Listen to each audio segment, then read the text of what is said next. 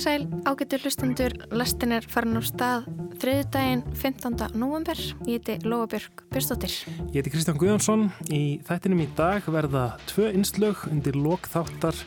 Það er að heyra í Viktoríu Blöndal. Hún heldur áfram að já, velta fyrir sér fótbolta svona í aðdraðanda heimsmeistaramótsins og er að um, skoða ímsa ánga fótbolta ástar. Þar sinni allar hún að velta fyrir sér fantasy fótbolta. Um, en við ætlum að byrja á uh, bók, 25 ára gammalli bók eftir nýsjálanskan rittvönd sem heitir Chris Kraus, bók sem heitir I Love Dick.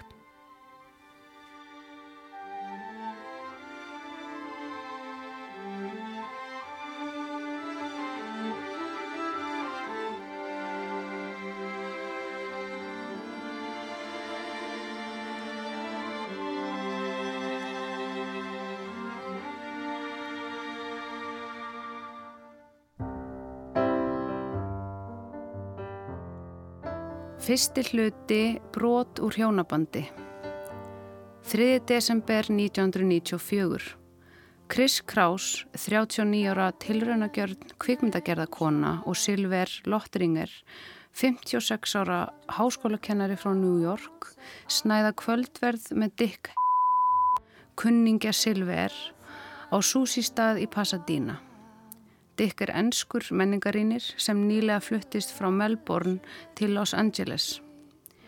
Chris og Silver hafa varið rannsóknarleifi Silvers í litlu húsi í Crestline, smábæ í San Bernardino-dalnum í um 90 mínútna fjarlagð frá Los Angeles.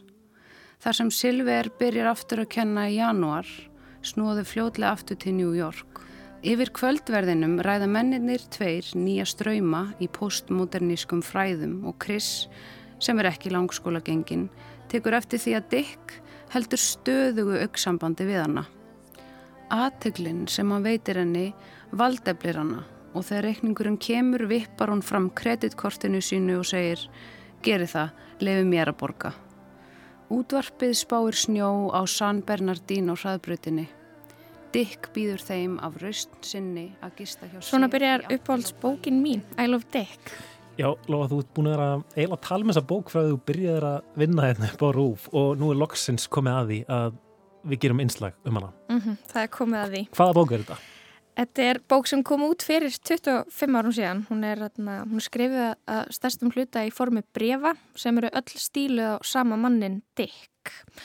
Uh, og þetta er bók sem fjallar um hérna, hjónaband Chris Kraus uh, höfundar, bó, höfundar bókarinnar og, og Silver Lottringer. Og samiðilega þráhyggju þeirra en svona eiginlega aðalega hennar fyrir uh, þessu manni Dick. Og þetta er svo þannig að Chris hún verður ástofngin af, af Dick og, og, og svo í saminningu þá fara hjónin að skrifa ástarbref til hans. Og þessi skaldsa hún fjallar um þrá, ást samskipti Karla og Kvenna, uh, gagginheið, hún fjallar líka um jáðarsetning og list, hver, hver hefur leifið til að segja hvað.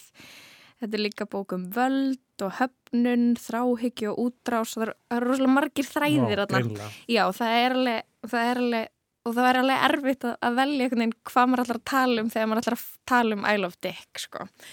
En uh, þessi skáldsæði, hún hefur líka verið kölluð fræðileg skáltsaga, uh, sjálfsæfisöguleg og það er örgulega vegna þess að brefin sem hún skrifast til Dick, þau leysast stundum bara út í einhverjum svona fræðilegar vangaveltur um list og menningu og svo náttúrulega svo staðrind að, að personur bókarinnar eru beigðar á raunverulegum personum og þetta er allt byggt á raunverulegum atbyrðum. Mm -hmm. Og meira sér líka þessi Dick sem að skrifaði til. Mm -hmm. Dick er, er raunverulegur og, og það er örgulega vegna þessa sem að bókin þótti afar umdelt þegar hún kom fyrst út. Já, geti kannski bara þótt umdelt í dag. Ég meina að það er fullt af svona málum sem að eru alltaf að koma upp hérna einhverjir rítuðundar sem er að nota raunverulegt fólk, raunverulegu nöfn í, í bókunum sínum og þarna er sannsagt kona, þessi Chris Kraus, að skrifa um sjálfa sig og er að skrifa ástabref til einhvers manns sem hún þekkir eiginlega neitt uh, og gefur það út í bók. Þú veist, það er mjög svona óþægilegt. Algjörlega og ég held að fólki þykit ekkert sjálfsæðara, sjálfsæðara í dag heldur en þá. Ég held að þetta sé ennþá bara alveg óþægilegt og nærgöngult og uh, eitthvað neginn. dansiðan á línunni. Bókin var ekkert sérstaklega vinsæl þegar hún kom fyrst út og hún var bara lesin af nokkur hundru manns þarna þegar hún kemur árið 1997. Um, en í dag er þetta talið eitt af svona tímamóta verkum feminískra bókmenta. Ok, hven, hvenna kynntist þú þessari bók? Sko ég las bókina fyrst árið 2017 og ég veit að það er svona skrítið að segja þetta en ég held hún hafi bara svona smá breytt sín minni einhvern veginn á heiminn og líka bara svona sín minni á sjálfa mig í heiminum uh, sín minni á sambönd Karl og Kvenna og listakonur, ég las hana þegar ég var á öðru ári í listaháskólanum og það er mikið talað um þú veist leikhúsið, gjörningalistakonur og svona talaði mjög vel inn í svona það sem við vorum látið að lesa í fræðitímum í listaháskólanum. En hún er meitt sko er að velta fram mjög mörgum eitthvað svona mikilvægum spurningum uh, í bókinni sinni um, um þarna hvernalist, af hverju er hún alltaf jáðar af hverju kemst hún ekki inn á miðjuna? Og uh, svo var uh, var ég líka að lesa hana aftur um daginn en bókin var tekin fyrir í bókaklub sem ég er í þar sem við erum að lesa bækur eftir, eftir konur og við áttum bara fullt af innblásnum samtölum um ástina, list, bókmyndasöguna og karlmennsku og þarna og vinkonum mín eru líka forfallnir Chris Kraus aðdandur. Ég var bara að hugsa um hvað dýrmætt að lesa eitthvað sem veist, er skrifað frá þessu sjónurhóðni, skilur þú? Hún er að orða svo mikið af hlutum sem maður hefur hugsað og það er bara cathartic, það er cathartic. Þú veist, þetta er líka spurning um svona, þú veist, ég veit það ekki, þú veist, fyrirmyndir og hverjast, þú veist, hvaða hugsanir eða hvaða, svona, þú veist, hvað er einhvern veginn valjúból og hvað er, þú veist, gjaldgengt sem einhver skaldskapur, skilur þú? Þessi bók hefur átt svona nokkur tímabill þar sem að hún skýtur upp kollinum og, og verður vinsæl. Hún kemur fyrst út eins og ég segði á 1997 og þá gefur hún út af semiotext sem er bókáttgafa sem að sprettur upp úr eh, lesring profesorsins Silver Lottringar í Columbia Háskóla, eiginmanni Chris og svo er það árið 2006 sem að hún er endurútgefin og þá selst hún mun betur en fyrsta útgáfan fær goða gaggrin í fjölmjölum og næri eitthvað svona flugi. En svo er það árið 2016 og þá verður hún að eitthvað svona internet fyrirbæri. Þetta verður svona eiginlega Instagram bók. Það verður svona feministar á Instagram að deila myndum á sér að lesana og þar kynnist ég bókinu fyrst svona í þessu samhengi Instagram feministana sem ég var að fylgja á þessum tíma Svo koma sjómanstættir árið 2017 sem eru svona byggðir lauslega á sér bók uh, þar sem að Catherine Hann leikur Chris Kraus og Kevin Bacon fer með hlutverk uh, kynþokkafulla Kúrigans Dick. Dear Dick, this is about obsession. This is about me missing you, even though I've never met you, Dick. And is it weird that this is not at all what I expected? Þú lánaði mér þessa bók í byrjun sömars. Já, eh, ég held ekki að þú myndir hafa gaman að henni, sko. Ég hafði gaman að henni og, og, og kannski ekkert síst þá fannst mér gaman að, að vera að lesa hana á svona al, almanna færi af því, því að maður færi eitthvað svo mikil viðbröð fólk er eitthvað svona, hvað er þetta að lesa? Og svo eh, rétti maður bókina I Love Dick mm -hmm. og ég til dæmis var að lesa hana í, í, í ferðalagi með stórum strákahópi og þetta þótti einhvern veginn alltaf voðalega fyndið mm -hmm. um, Ég veit ekki. Já, þú veist, ég hef oft, oft fengið eitthvað svona fliss þegar ég er með þessa bók á almanna færi uh, eins og maður sé að bó, lesa bók sem að hei, því, myndi þýðast sem ég elska tippi sem er eitthvað neginn ekki það sem þessi bók er um, hún er um dikk, manneskina dikk en þetta er ennáttúrulega tvírægt skiluru um, og röglega þess vegna sem að þessi bók verður eitthvað svona mým, verður þetta internet, Instagram fyrirbæri þetta er bara svona, þetta er bara þrjú orð sem þú gleymir ekki grænu, skergrænu letri á hvítri kápu. Máttalega. og já, mjög svona Instagram-væn vegna þess sko. Chris tilkennir Silver að daðriði millir hennar og Dick kvöldið áður geti talist hugmyndafræðileg rýðing þar sem Silver og Chris stunda ekki lengur kynlíf viðhalda þau nánt með afbyggingu. Það er þau segja hvort öðru allt En I Love Dick er meira en bara krassandi titill. Þetta er augrandi og heiðarlega bók og sem, sem orðar eitthvað svona ósagt í kvanleiri tilvist og þegar ég fór að lesa bókin aftur með bókaklubnum þá uh, uh, ákvað ég að prófa bara að senda tölvupost á umbásmann Chris Kraus og sjá hvert ég kæmist, hvort ég myndi ná okkur sambandi við hennan höfund sem ég hef verið að eiga ykkur svona einliða uh, samtali við sem ég las bókina fyrst. Um, eftir eitthvað svona þrjá tölvuposta þá er ég byrjuð að tala beint við Chris og við bókum Zoom-fund. Chris er, er núna orðin 66 ára. Hún, hún er frá Nýja Sjálandi en hún býr í Los Angeles og hefur búið þar lengi. Þannig að Ég beði hennum að senda henni spurningarnar fyrirfram, ég skrif okkur 40 spurningar sem ég stýtti nýri 20 og, og svo finn ég út í hvernig ég á að texta viðtalið beint meðan við erum að tala saman út í að hún er orðin verulega hernaskert og þegar það er loksins komið að þessu að, að þarna að byrja sumfundin þá er ég bara orðin virkilega stressuð. Og góðið Já, þetta var alveg frekar stórt moment Oh my god. Hi, hi, Chris. Um, I can't hear you for some reason. There, where are you? Okay, hi. So the reason I'm late is the webcam isn't working. Já, ég var aðeins að hjálpa þér aðna uh, með tæknumálin en, um, en svo var ég bara reikin út um, hvað gerðist eftir þetta. Hvernig var viðtalið? Uh, viðtalið var eiginlega bara eiginlega skemmtilegasta sem ég hef gert uh, það er rugglað að fá að tala við eitthvað sem þú ert búin að lesa nokkra bækur eftir en þarna og fá að spurja út í allt sem þú skildir ekki í bókinni allt sem er ósagt mm -hmm. og fá kannski að bera undir uh, höfundin, einhvern veginn þínar pælingar mm -hmm. um, hvernig byrjaður viðtalið? Hver var fyrsta spurningin?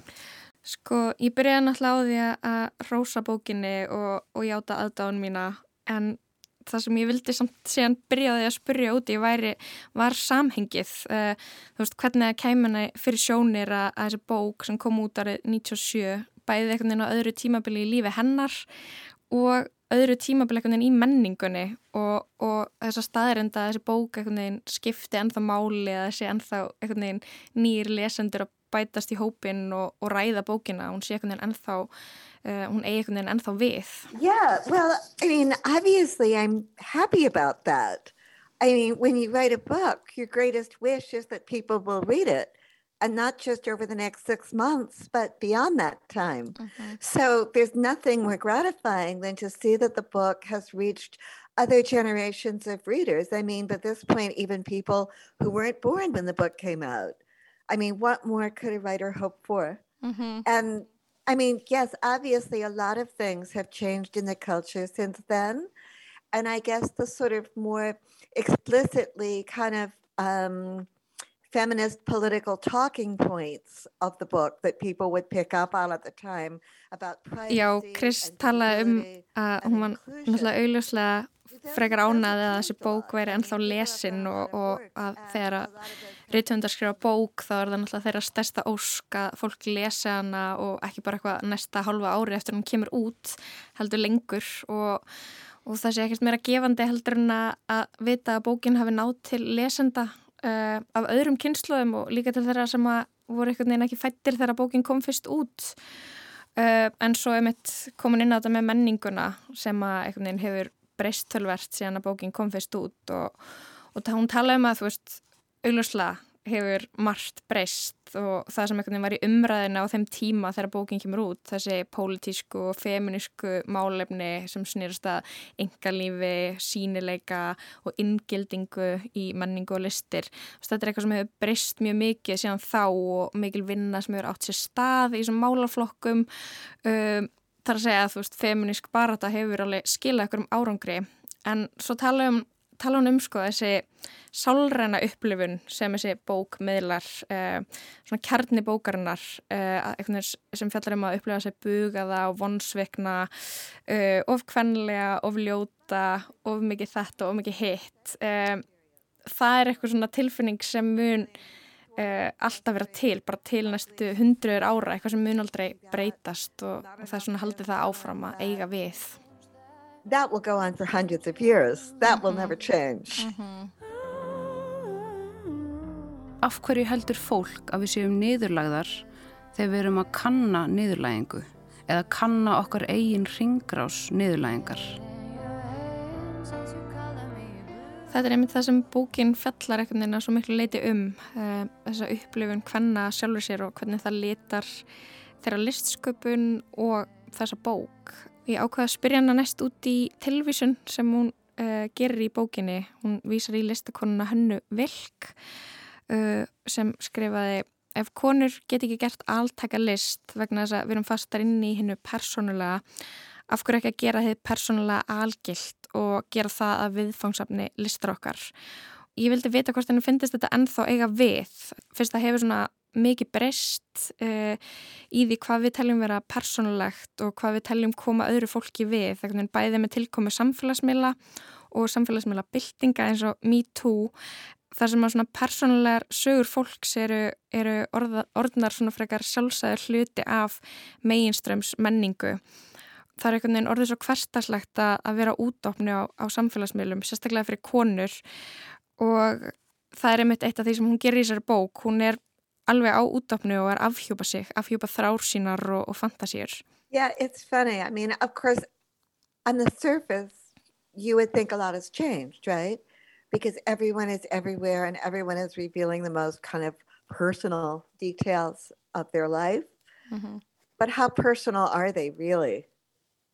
A lot of this revelation has more to do with image building and self esteem than it has to do with really giving a truthful readout of where you are in the moment.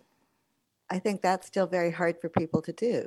So, I mean, there's certain kinds of truth that people still find very, very difficult. Á yfirborðinu þá myndir maður halda að það hafi mjög mikið breyst og, og einmitt að fólk sé allstaðar að afhjúpa persónuleg smáadriðum lífsitt en hún svona veldur í fyrir sér hversu heiðarlegt það sé í raun og veru og, og mikið af þessum afhjúbunum hafa einhvern veginn miklu meira að gera með ímyndarsmýð og einhvern veginn sjálfsálit fólks eh, og það sé ennþá fullt af útgáfum af, af sannleikanum sem fólk á ennþá erfitt með að meðtaka þó við séum einhvern veginn að fullfys okkur um að við séum alltaf að vera ótrúlega heiðarlega og persónulega í, í samskiptum okkar svona ofinbjörnum vettfangi á, á samfélagsmiðlum.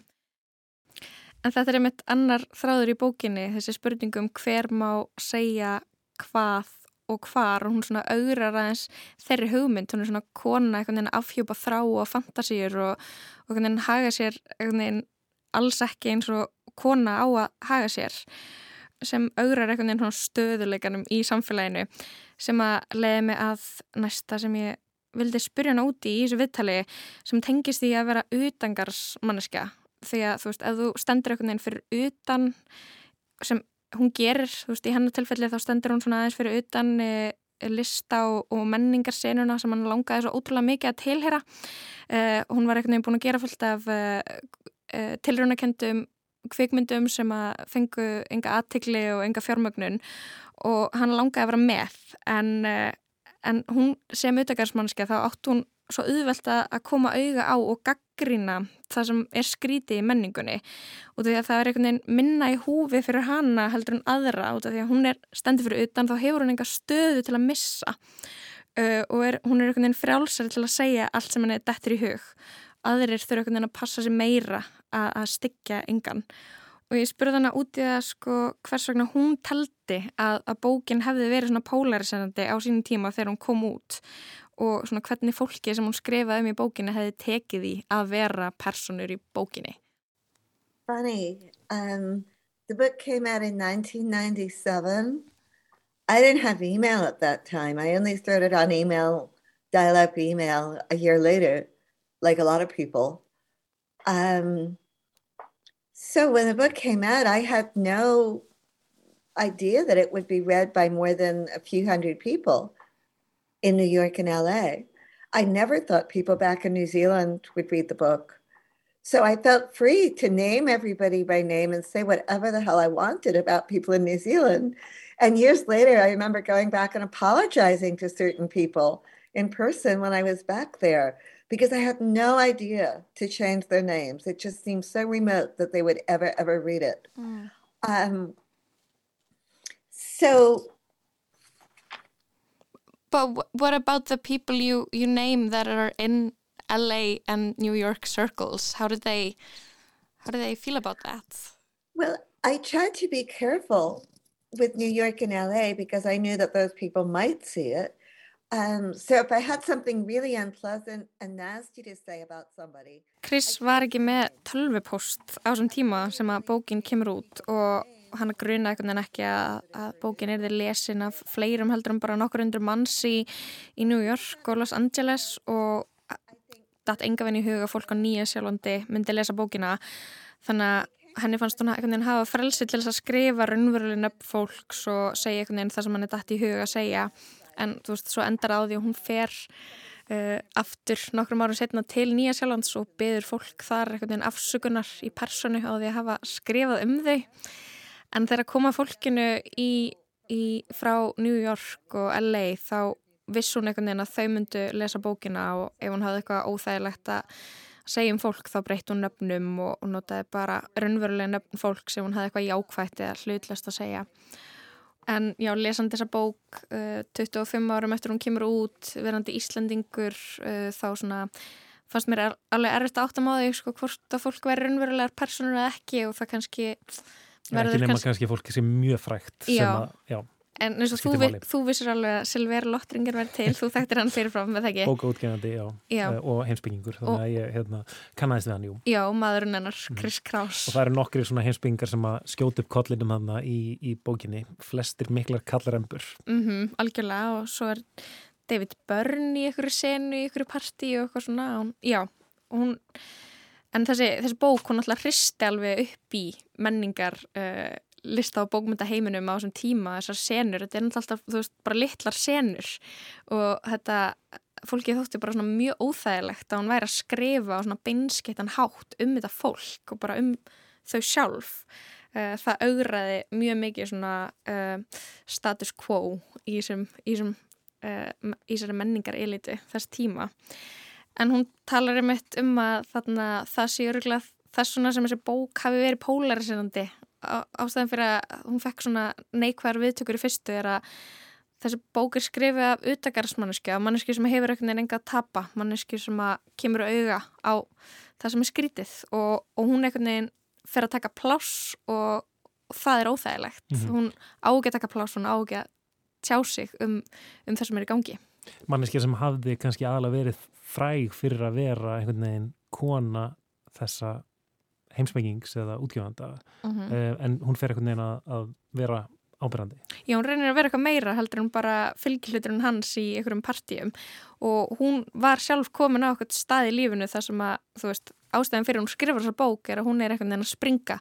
Hún fær höfnun og eftir höfnun og, og ferillin hennar eh, gengur ekki upp og, og núna, þú veist, vill hún stærri áherendahóp, hún vill uh, tjá sig við fleiri heldur en bara mannin sinn og og það er, veist, það er ástæðan fyrir hún skrifar það.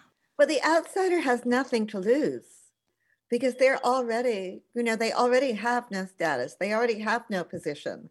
So they can afford to be a lot more reckless than the insiders. And that's something I think that the insiders really have to fear because the outsider can like, you know, the outsider can call out the emperor's new clothes.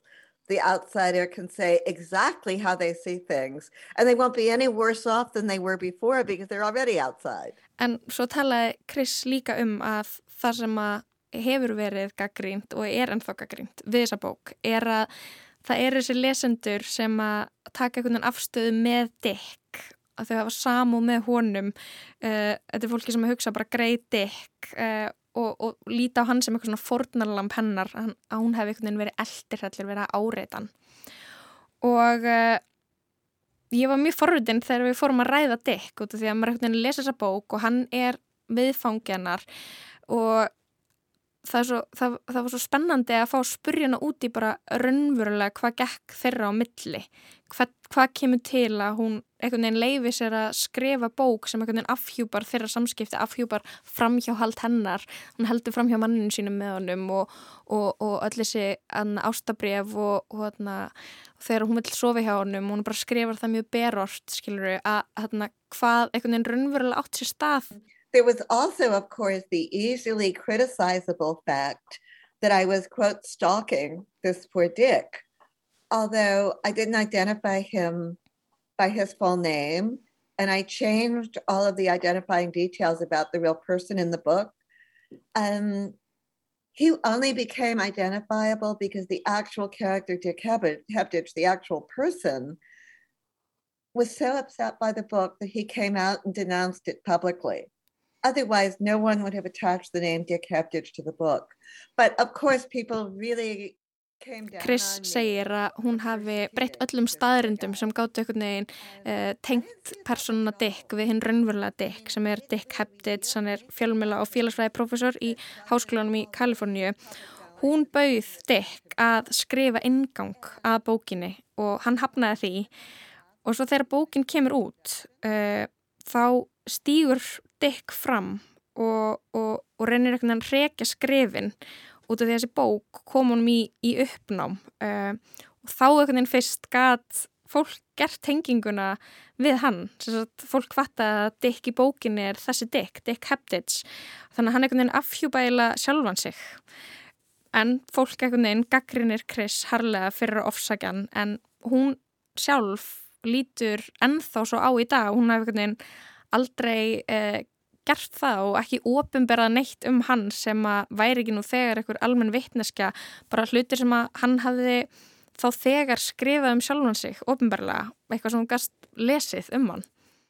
Maður skilur alveg svona þessa afstöðu einhvern veginn, þetta er náttúrulega mjög svona óforskammað einhvern veginn að um, taka einhvern mann og bara skrifa ástarbref ofinberlega til hans án þess að hann hafi nokkuð um það að segja mm -hmm. og svo einhvern veginn ítrekka í bókinni þá þannig að vill hann einhvern veginn ekki vera með? Dick gefur ekki gefur einhvern veginn ekki sitt samþykja hann kannski gefur það í byrjun og svo einhvern veginn er alltaf að reyna að draga úr því og vill ekki vera þáttakandi í þessum, þessum leik og þessu listaverki sem að Chris telur sig vera að búa til um, en myndi ég er alveg sammála. Ég, ég upplifiði hann alveg sem fornalamp en svona fyrst þegar ég las bókina en svo þegar ég las hann aftur núna þá upplifiði ég svolítið annað. Ég mér varst þetta bara vera svolítið svona tímamóta pæling að I love Dick eitthvað, svona hlutir sem að ég vildi að ég væri sjálf búin að gera og ég geti bara eitthvað einn gert núna. Mm, Býta nú við, hvað hérna, hvað, hvað þýðir það þá að I love Dick eitthvað? Það er bara þú veist, orða þrásina við eitthvað og, og, og breyta þrásinni í listaverk og ég ákvað bara að spyrja hana út í það hvort hún mældi með því að I love Dick eitthvað og viðkendi fyrir henni að ég hefði eitt kvöldinu fyrir viðtalið í að reyna að skrifa ástabref til einhvers uh, ímyndast Dicks í mínu lífi. To nurture it. So to act on that, you know, to manifest it in like a more visible way and to take it outside of your mind and your body, um, yes, I think that can be very liberating.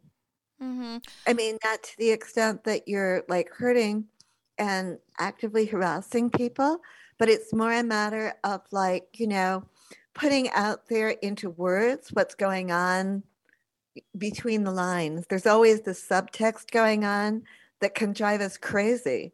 And sometimes it's just very freeing to articulate the subtext. People need to hear it so we know what we're dealing with here.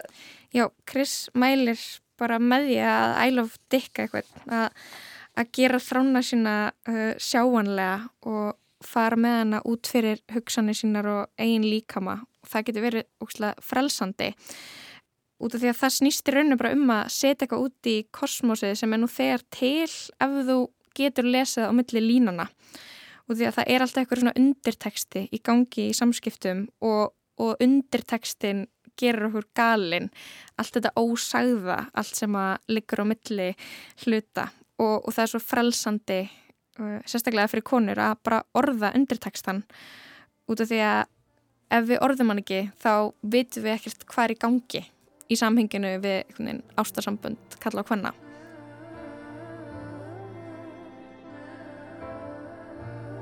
Kúrega personan þín passaði svo vel við drauma Chris um brotna og þögla menn sem höfnuði henni.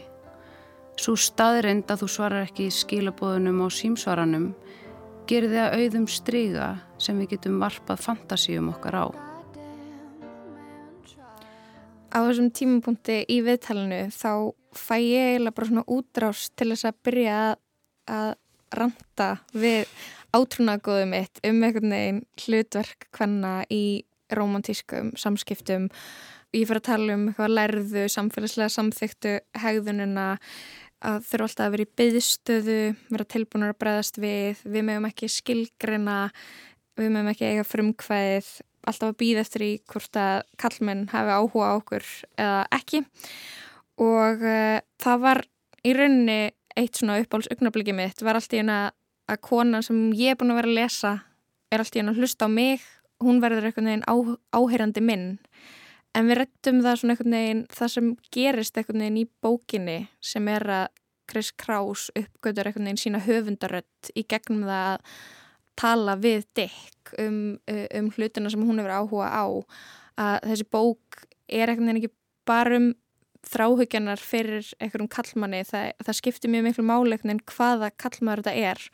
Hún færi einhvern veginn í fyrsta skipti að, að stíga út úr búblu hjónaband síns, að tala um einhvern annan um, um pælingarna sínar heldur um bara eigimann sinn, Silver Lottringar uh, hann gefur henni fullkomi leifi til þess og, og skinnjara einhvern veginn að það væri komin tími til þess að hún fengi stærri áhrendahóp og Chris segir að, að, að allir rítöfundar, allir höfundar þurfi áheyranda.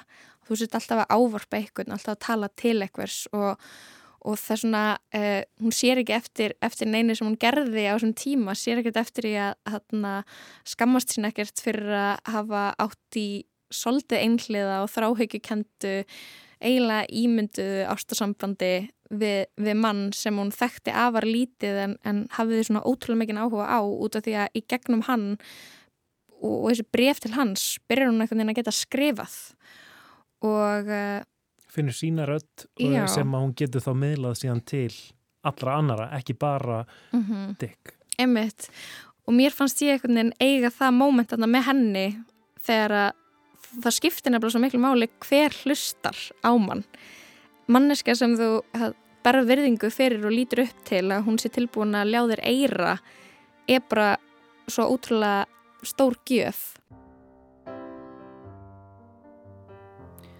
Munurinn núna og fyrir 15 árum er sá að ég held að þá hefði ég aldrei getað skrifað í neinar af þessum minnisbókum í fyrstu personu. Ég þurfti að finna þessa dullmálslikla fyrir sjálfa mig að því alltaf þegar ég reyndi að skrifa í fyrstu personu hljómaði það eins og önnur manneskja eða taugaveiklaðasta og ófrumlegasta hliðin á mér sem ég þráði svo mikið að komast frá. Núna get ég ekki hægt að skrifa í fyrstu personu. Mér lýður eins og þetta sé síðasta tækifæri sem ég hef til að átta mig á því sem er að gerast.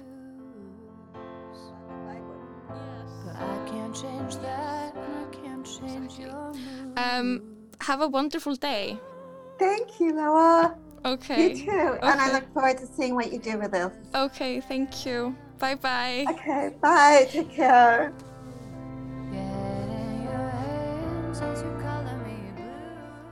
Oh my god uh, Oh my god Ég trúi þess ekki ah!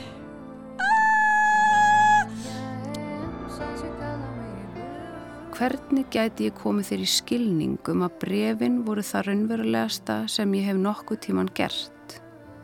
Með því að kalla þetta leik varst að ógilda allar tilfinninga mínar.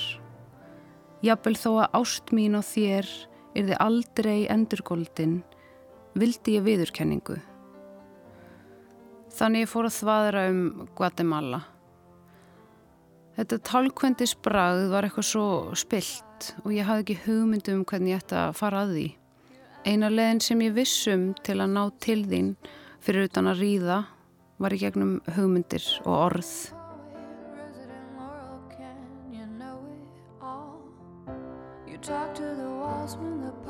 It's bored of you.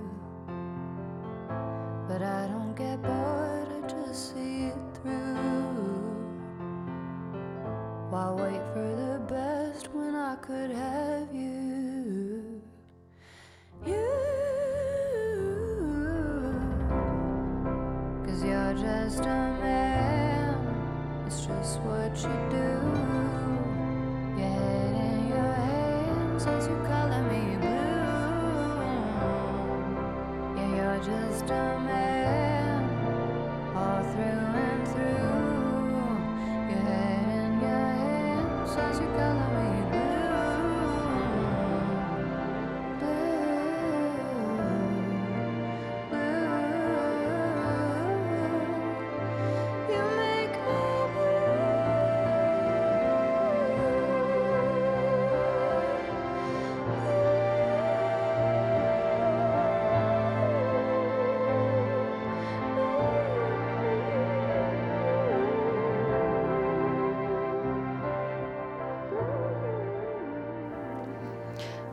Tónlist eftir Lönudel Rey, þetta lagið Norman fucking Rockwell, Kolfina Nikolásdóttir las þar á undan og reglulegi einslæginu Valin Brot úr bókinni I Love Dick sem við fjallum um. En við ætlum að snú okkur að fótbolta. Það eru bara örfáir dagar í að heimsmeistramótið í Katar hefjist, um, heimsmeistramótið í knaspinu Karla. Viktoria Blöndal uh, byrjaði síðasta þriðu daga að velta fyrir sér fótbolta ást af ímsum toga og að þessu sinni þá fjallar hún um fantasy fótbolta. I think it's bad news for the English game. We're not creative enough, we're not positive It's enough. coming home,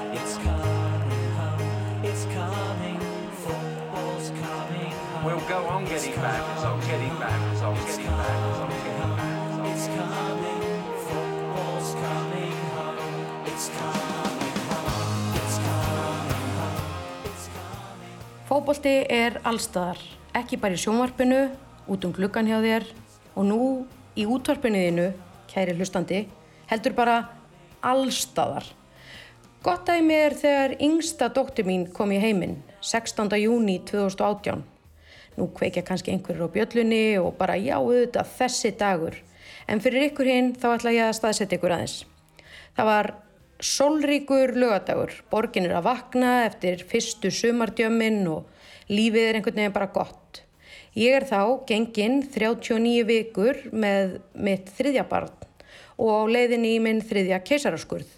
Ég er vel sofin og bara góð á því og tilbúin að fá litlu stelpuna mína í fangið. Mér var rúlaðinn á skurstofu sem var öll skreitt í íslenska fánanum og skurlæknarnir, hjúkurnar og sjúkraleðarnir voru öll í landsliðsbúningum og bara hú! Ég man ég hugsaði, ég var bara, þetta er skrítið en ég pældi ekkert meir í því. Litla stúlka mín kemur í heiminn á 0-1, fullkomin og dásamleg eins og sískinni hennar. Hún var lág í blóðsikri og þurfti því að fara strax inn á vökudeld sem einni var skreitt í landsliðsbúningum og íslenska fánanum. Ef þú ert ekki búin að fatta hvaða dagur þetta er, þá er það líklega vegna þess að þér er alveg samum fótbolta og það er vel. En þetta var semst okkar fyrsti leikur Íslendinga á HM í Rúslandi. Alfred Fimboason skorar og við erum yfir í háluleik. Messi liftir inn á tegin, þetta er vítaspilna. Svo mæti Messi á vítapunktin. Lionel Messi gegn Hannesi. Takt þetta Hannes.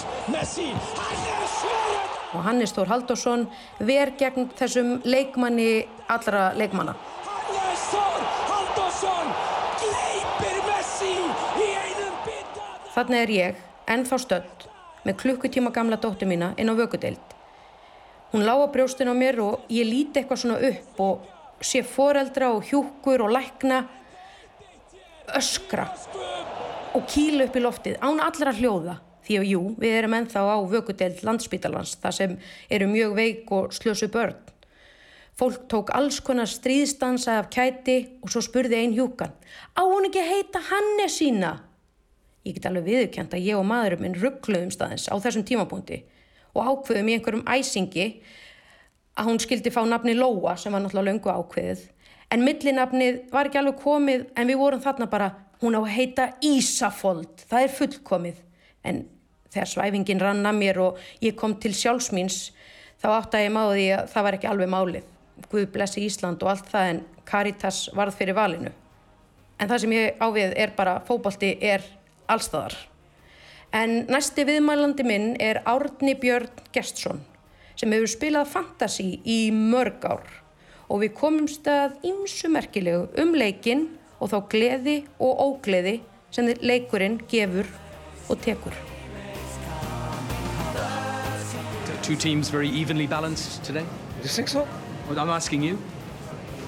I'm asking you because you were smiling with him at the end. Was it an acknowledgement that you'd balanced each Smiling because he's my friend. No, I was not speaking about the game. I was asking because you were smiling with him.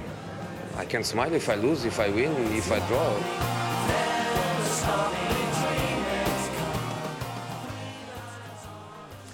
Já, fan- fantasy svona kannski í stuttumáli er um, svona draumaliðsdeild eða, eða menn sem sagt spila með sín draumalið þar sem valið er úr um, hópi leikmanna um, ímist í ennskúrústildinni eða íslensku eða, eða hvernig sem að því er háttað. Og uh, þú síður saman sem sagt uh, lið eh, sem er þó bara þitt lið og, og, og, og leikmenninir sem að þú ert búin að setja í, í liðið munur sem sagt eh, sapna stegum út frá eh, árangri þeirra inn á vellinum í alvörinni. Þannig að eh, ef að viðkomandi skorar mark eða eh, hérna, heldur reynu eða eitthvað slíkt þá, þá sapnar, sagt, sapnar hann stegum fyrir þitt lið og þú etur kappi við já, deildar uh, félag eða mótherja bara sem eru þá uh, menn sem eru með þér í deild.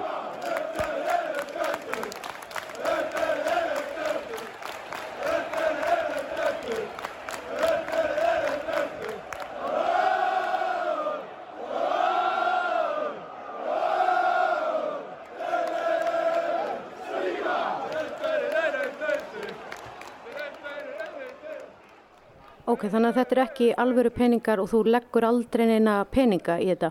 Og færð aldrei neina peninga. Nei, það er nefnilega sko, þetta, þetta er hérna, leikurinn er, um, þetta er náttúrulega bara eh, draumkent, draumaliðs deild svo kvöldið, þannig að það er í rauninni bara verið að, að finna þarna einhverja leikmenn sem að þú telur að muni uh, standa sér vel og um, já, já, en- engir alvöru peningar hérna í, spilinu sko. Hvað heldur þú eigðir miklum tíma og viku í þetta? Tja, það er erfitt að segja sko. Ég ætla að segja ekki svona tveir, þrýr, fjórir klukkutímar á viku. Snýst þetta þá um að þú ert, þú ert þjálfari? Eða, er, er þetta ekki svoleiðis? Uh, jú, það má í rauninni segja það að, að uh, maður handvelur einmitt þessa leikmenni eins og ég sagði það og, hérna, og ég er í rauninni á framkvæmda stjóri þessa liðs og tek allar ákvarðanir um uh, hvaða leikmenn ég uh, set í liðið mitt, hverja ég set í byrjunlegi, hverjir fara á bekkin og, og, og hérna, hver, hver tekur við fyrirleðabandinu fyrir hverja viku og passa upp á að, að það sé ekki ef menn meiðast eða er í banni eða eitthvað slíkt. Eða tala nú ekki um ef það er uh, enda í einhverju öðru liði eru, eru kannski seldir eða eitthvað slíkt og eru bara ekki lengur partur af uh, viðkomandi deild þá uh, er það já í, í hlutverka sem sagt í verkarhing hvers og eins frangvöldstjóra að, að stilla upp samkeppnishæfu byrjunarliði En uh, þú veist, verður að setja kantmann á kant, máttu hérna ruggla í, í einhverju skipulagi á, þú veist, uh, einhverju, einhverju verkaskiptingu hvers manns inn á vellinum, eða þú veist, verða kantmenn að vera á kantinum og, og eða hvernig? Uh, Þetta eru sem sagt, uh, það er stilla upp mismundi leikkerfum en, en það er uh, svona alla jafna þá er einn markmaður en það eru tveir markmenn sem sagt í þessu hefbundna með vel eru tvo markmenn í upphafi fimm varnamenn, fimm uh, miðjumenn og svo þrjá sóknamenn og það er undir hverjum komið að, að sem sagt uh, að stilla upp þessu liði eftir því sem að uh, vænt stigaskor uh, mun, mun gefa sem sagt hæstu uh, stegasöfnun fyrir emitt hverja umferð eða, eða eitthvað slíkt.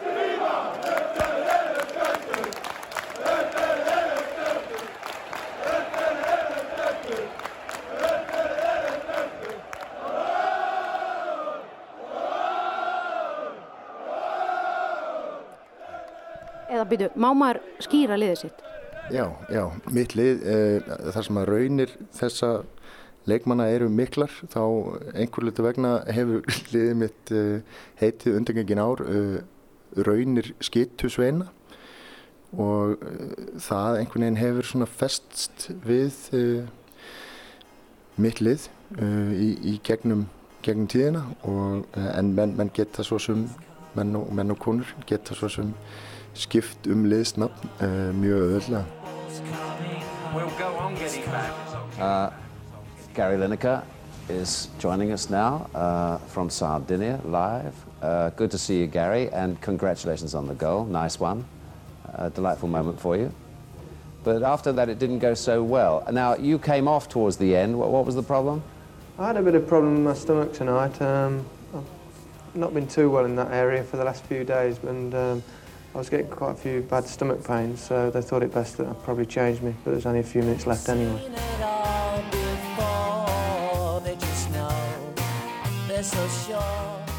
Áttu einhverjar sögur af uh, þér að brjálast eða gleðjast uh, yfir þessu?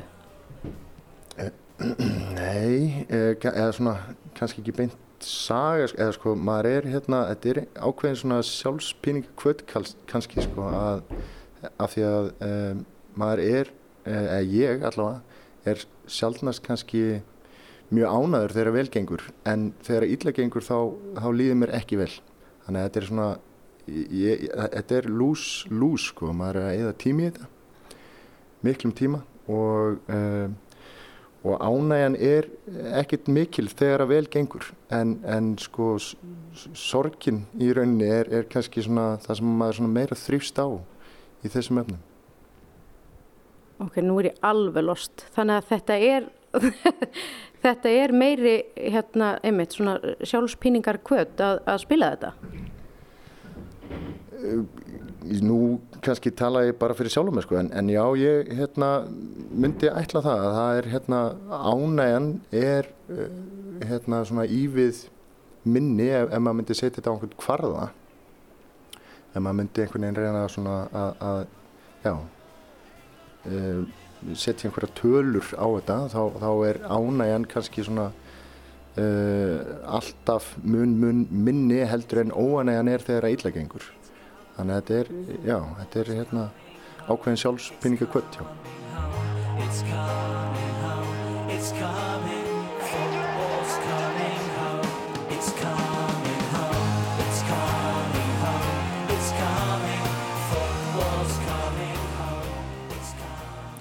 Viktoria Blöndal um, held áfram að fjalla um fótbolta ást svona í tilöfninu því að heimsmeistaramótið í Katar hefst eftir örfóa daga fjallað um fantasífótbolta. Nú er þú svona ágætlega mikill fótbolta áhuga maður og, og vinið þín er hittast og spila fó, fótbolta. Hefur þú eitthvað tilfinningu fyrir því hvort að svo staðirind að HM verða haldið í Katar sé að fara áhrif, sé að hafa áhrif á sko áhuga fólks, fótbolta unnenda, hvort að Ég átta mig ekki á því. Um, sko, ég, ég hef svona tilfinninguna að það sé svona aðeins minni áhugi heldur en oft áður. Ég veit ekki hvort það hafi bara með líka tímasetninguna að gera. Þetta er á óvenjulegum tíma, svona rétt, rétt fyrir jól eitthvað neginn. eru fótbolta mótu vanalega okkur um öðrum tíma? Já, þau eru á sumrein, sko. Ok, ég skil. en, en já, ég, ég get alveg ímyndað mér að þessu margir sem svona kannski alla kannski ekki beint að sniðganga mótið en, en er fólk er kannski bara með svona smá ónóta tilfinningu og, og kannski er ekki jafn einhvern veginn spennt og oftaður Mhm. en svo líka kemur kannski annað inn í að um, við erum í fyrsta skipti eða sko við vorum í fyrsta skipti e, á heimsmeistaramóti síðast og það var náttúrulega svo mikil stemning að Mhm. Ísland væri á heimsmeistaramóti kalla í fótbolta sem það aldrei gerst áður að einhvern veginn alveg sama hvernig þetta mót hefði verið í ár það hefði alltaf verið einhvern veginn lítið samanborið við síðast Ok, þú ert að segja mig fréttir, við erum Ísland þess að ekki að keppa á HM. Nei, Herra, ok, það þú er nú fylgist, fylgist greinlega vel. En það er svona, ég held veginn að maður veit ekki fyrir en að móti byrjar. Nei, Ég held að það sé ekki bara fyrir en að fyrsti leikurinn er hvort að, þú veist, Já, ég held að fólk ver- það svolítið í hjarta sínu líka þá einhvern veginn. Þegar það kveikir óvart á fyrsta leiknum þá er það svona annarkvort uh, líði illa í maganum og, og hugsar nei, ég get ekki hort á þetta út af öllu fátæka verkafólkinu sem þurft að byggja þessa leikvunga eða það bara gleymist. Mhm. Já, já. það er, er stundu þannig. Eh, Fótbolti, um, við höldum örgulega áfram að fjallum hann, en við rættum við Chris Kraus, rítumund í fyrir þættinum og, og svo var það fótbolti henni til lokin. Skemmtilegu þáttur, fannst okkur. Já, uh, en já, það er einmitt bara að koma leðalögum hérna í lestinni í dag. Við- Jú, enda á lægi eða hvað? Já, ég segi að við höldum okkur við söngkonuna bandarísku Lönn Del Rey sem að var aðeins hérna í einslæginu í fyrirlutu þáttar. Þetta er næsta lag af plötunni Norman fucking Rockwell. Þetta er lagið Mariners Apartment Complex. Við ljúkum lestinni þennan þriðudaginn með því við Kristján og Lóa þakku fyrir samvildina. Lítið Gretastóttir var á tökunum. Verið sæl.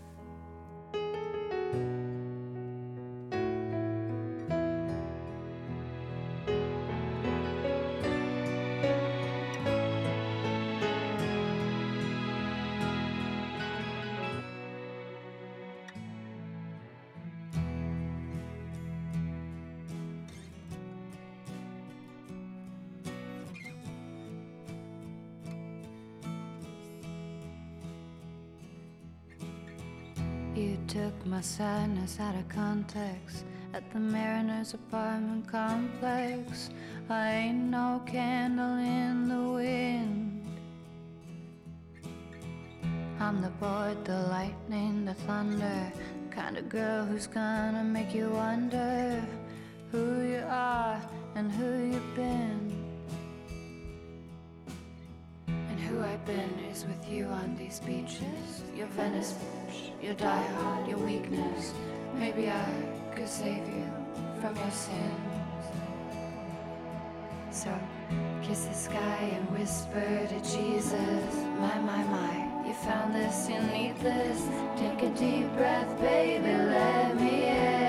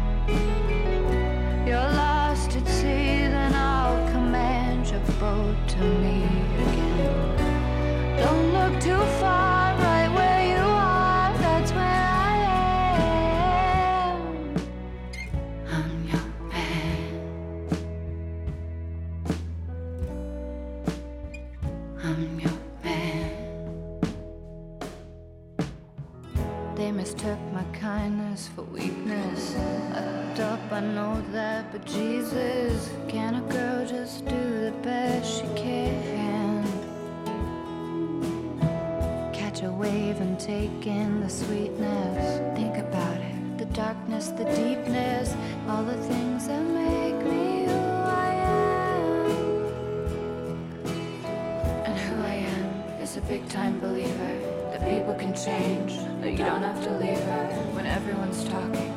You can make a stand. Cause even